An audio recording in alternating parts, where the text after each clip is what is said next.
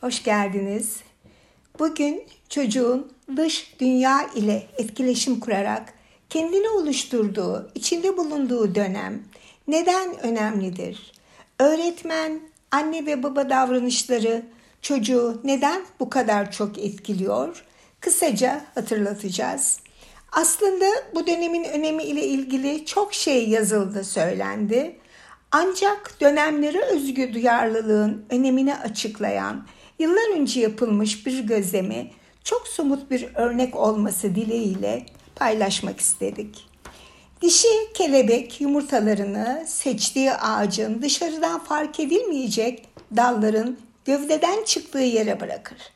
Tırtıl yumurtanın kabuğunu kırarak dışarı çıkar. Çok açtır. Ancak yiyebileceği kadar taze olan yapraklar dalın uç kısmındadır.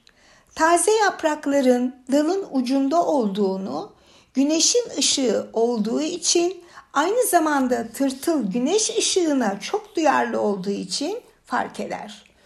Tüm açlık hissi ve doyma isteği ile yapraklara doğru hareket eder, yiyeceğini bulmuş olur.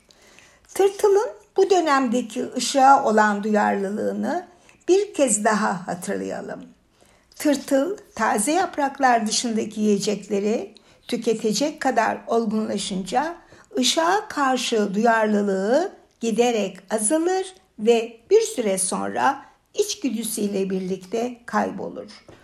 Bu duyarlılık var olduğu süre içinde görevini yerine getirmiş ve yavaş yavaş kaybolmuştur.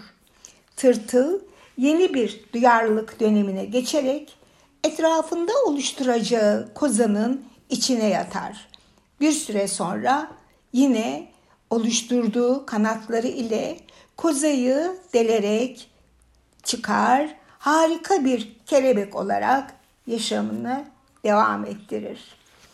Çocuğun gelişim ve öğrenme sürecinde de aynı tırtılın kelebeğe dönüşmesi sürecinde olduğu gibi doğumla birlikte başlayan evreler ve bu evrelere özgü duyarlılıklar vardır. Bu duyarlılıkların çevreden gelecek uyarıcılar ile yerine getirecekleri görevleri de vardır. Çocuk bir bilgi veya beceriyi öğrenmek için dışarıdan fark ettiğimiz, bazen de yaramazlık, inatçılık olarak yorumlayabildiğimiz yoğun istek duyar.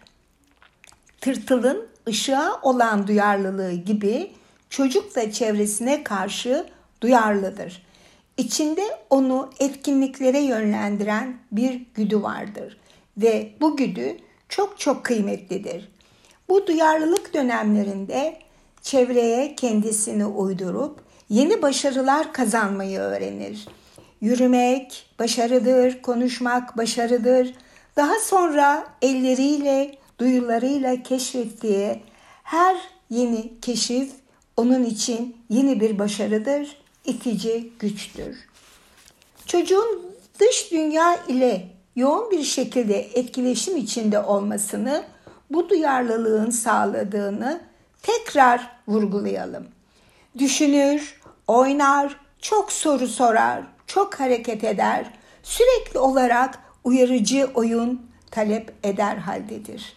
Araştırır, denemeler yapar dedik okulda ve ailede bireysel etkinlikleri mutlaka içinde bulunduğu dönemin duyarlılıklarına göre düzenlemek gerekiyor. Bilinç bu etkileşim ile Lego puzzle yaparken olduğu gibi kademeli şekilde oluşur. Çocukların dünyasında fazlaca yer aldığını gördüğümüz dijital evren henüz çok küçükken gerçekleştireceğimiz etkinliklerle çocuk için cazip olmayacaktır. Bu umudumuzu dile getirerek başka bir paylaşımda bulunmak üzere. Hoşçakalın.